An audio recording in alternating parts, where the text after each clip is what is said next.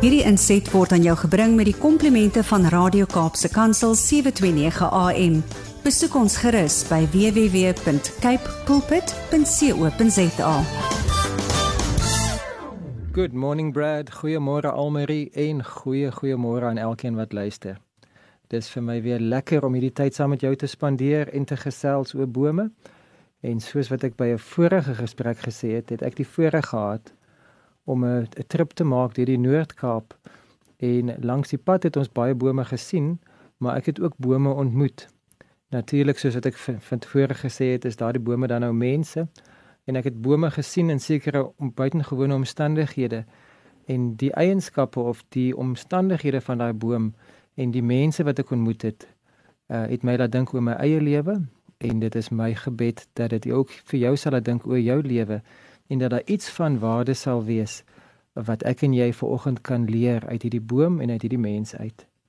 So ek het gesê ek wil jou voorstel aan 'n paar verskillende bome in die Noord-Kaap. Ons het by 'n vorige gesprek gepraat oor Chris Kameeldoring. Ek wil vanoggend vir jou voorstel aan Maria Kareboom. Maria Carrier. Uh die klanke laat my dink aan 'n baie bekende internasionale popster Maria Carey. En behalwe dat Maria Carey uh, een van Phil Collins se se liedjies Against All Odds gecover het, wil ek nie vandag te veel oor Maria Carey praat nie. Ek ek het wel geensins enige uh, opinie oor haar of haar musiek uit uitleg nie. Ek wil net hê dat die klank van Maria Carey boom net vir ons herinner dat against all odds kan dinge moontlik word. Toe ons in die Noord-Kaap gereis het op pad na die dorp toe waar ons met hierdie hierdie um, werklose manne twee dae tyd spandeer het, het ons uh, so beplan en tyd gemaak en uit ons pad uit gegaan om by die ou Grabies waterval verby te gaan. En omdat daar goeie reëns was, is dit 'n indrukwekkende plek en die gedruis van baie waters en kiloliters, megaliters van water wat daarso verbyvloei en af aftuimel en indrukwekkend skuim en indrukwekkend borrel en dan ook 'n hele klomp sproei veroorsaak. 'n Fyn sproei, groot druppels, klein druppels, mistigheid en 'n 'n 'n 'n water vapor wat saam met die gedreun van baie waters uh sigbaar is. Toe ek so na die oorkantste rotswand kyk, toe vang my oog hierdie een boom en uh, ek noem dit 'n karreeboom alhoewel ek nie verseker kan sê dis 'n karreeboom nie. My vriend van die Botanical Society gaan vir my moet 'n uh, bevestiging gee of dan nou uh, wat ook al daai boom se botaniese tipe is terwyl van vanoggend se praatjie terwyl van die klank sê ek dis 'n karreeboom. Maar in elk geval daardie boom het daar 'n rotsspleet het hy ontkiem homself gevestig en homself staan gemaak en gegroei. Maar sien dit dat ons nou praat van Maria, sal ek net die boom haar noem. Ek daar is, is sekere boomtipes spesies wat manlike en vroulike bome het, maar in hierdie geval moenie my botanies vasvat as ek praat van 'n karreeboom as 'n sy nie, want ek ek gaan nou 'n toepassing maak op 'n op 'n baie besondere dame wat ek ook ontmoet het. Maria karreeboom groei uh, uh within earshot of many roaring waters. Maar dan nie van een van daai waters is toeganklik vir haar wortels nie. Maria Kareboom groei op 'n onwaarskynlike plek, rotswand. Daar is nie vrugbare grond nie, daar is nie kompos nie, daar is nie kunsmis nie, daar is nie eers grond nie.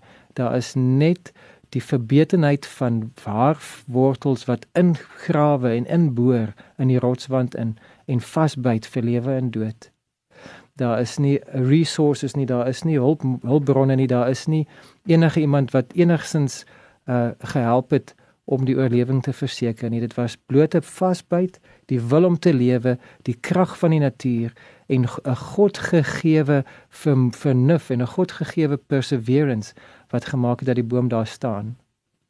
Wat wel in in Maria Kareboom se guns getel het, was dat van tyd tot tyd as die wind net reg waai en die omstandighede is gunstig en die waters val sterk, dan is daar van daai sproei wat haar kant toe kom en daai sproei sproei val dan op haar blare en gee dan 'n bietjie koeligheid, gee vogtigheid, gee voeding en gee lafenis.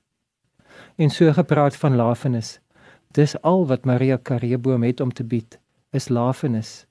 Want dit as dit nie was vir die klein bietjie skadu wat daai boom gegee het nie, was daar nie veel ander bydrae wat 'n mens kan sê uh, wat Maria aan die ekonomie of aan die samelewing of aan haar medemense kan gee nie, maar sy kan wel skadu weer gee. Hierdie boom het die vermoë om ten spyte van haglike omstandighede skadu weer te kan gee. Nou wil ek daardie boom daar los waar waar sy veilig by die agrabies groei en gaan aanhou groei en vir dekades nog steeds gaan skade weer gee. En ek wil vir jou voorstel aan Maria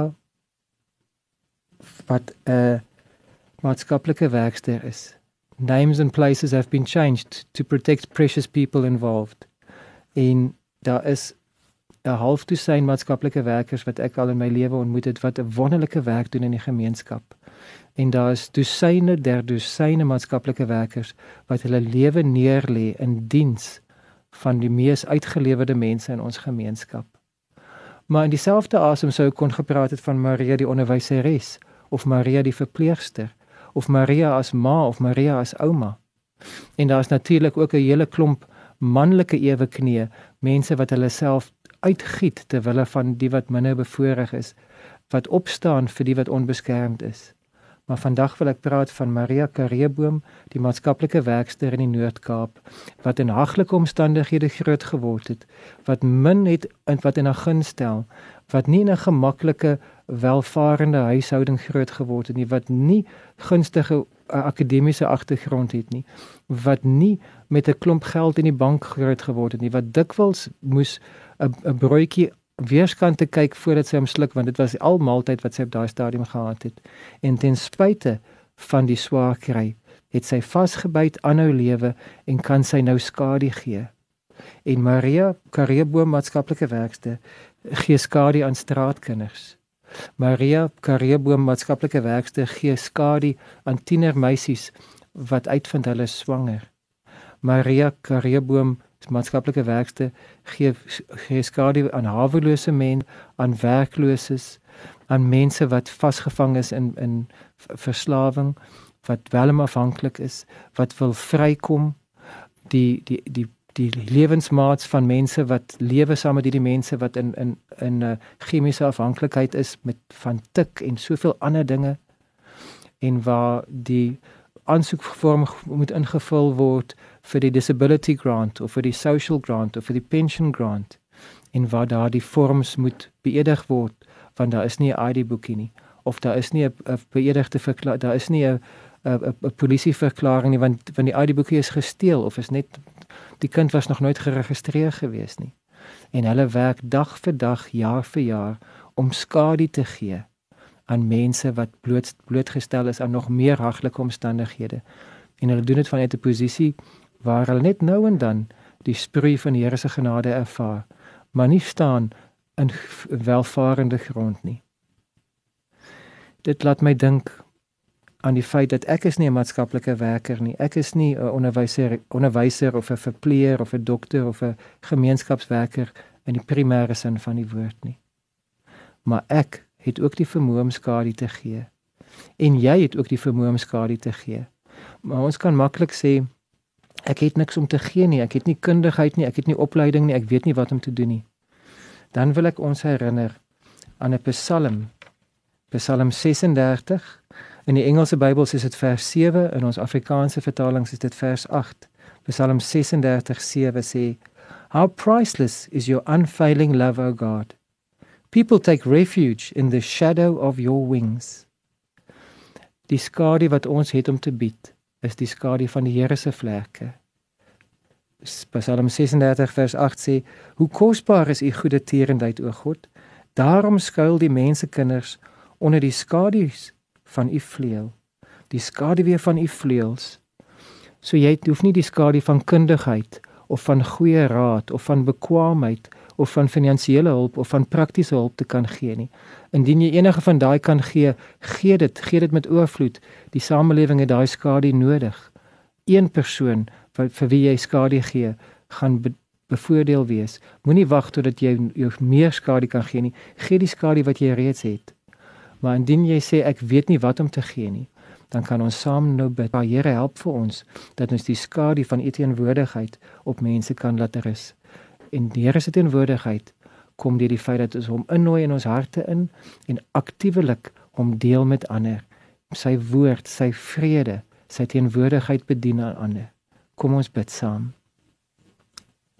Dankie Here dat U vir bome die vermoë gee om in haglike omstandighede te oorleef en steeds skadu te kan gee. Dankie dat U vir mense soos maatskaplike werkers, soos Maria daar in die Noord-Kaap, dat U vir hulle die vermoë gee om skadu te gee in moeilike omstandighede. Dankie Here dat U vir my en vir elkeen wat my stem hoor en wat saam met my stem, die vermoë gee om skadu te gooi oor mense wat blootgestel is. En Here, ek wil nie enige iets, enige van my sterkpunte gebruik om skadu te gooi, want my skadu kom en gaan. Ek wil u teenwoordigheid beoefen. Ek wil u teenwoordigheid beleef en dit deel met ander, want u skadu, as u teenwoordigheid iemand oorskadu, as u vleuels ons oorskadu, dan is ons werklik beskud, beskerm en veilig. In Jesus naam. Amen. Hierdie inset was aan jou gebring met die komplimente van Radio Kaapse Kansel 729 AM. Besoek ons gerus by www.cape pulpit.co.za.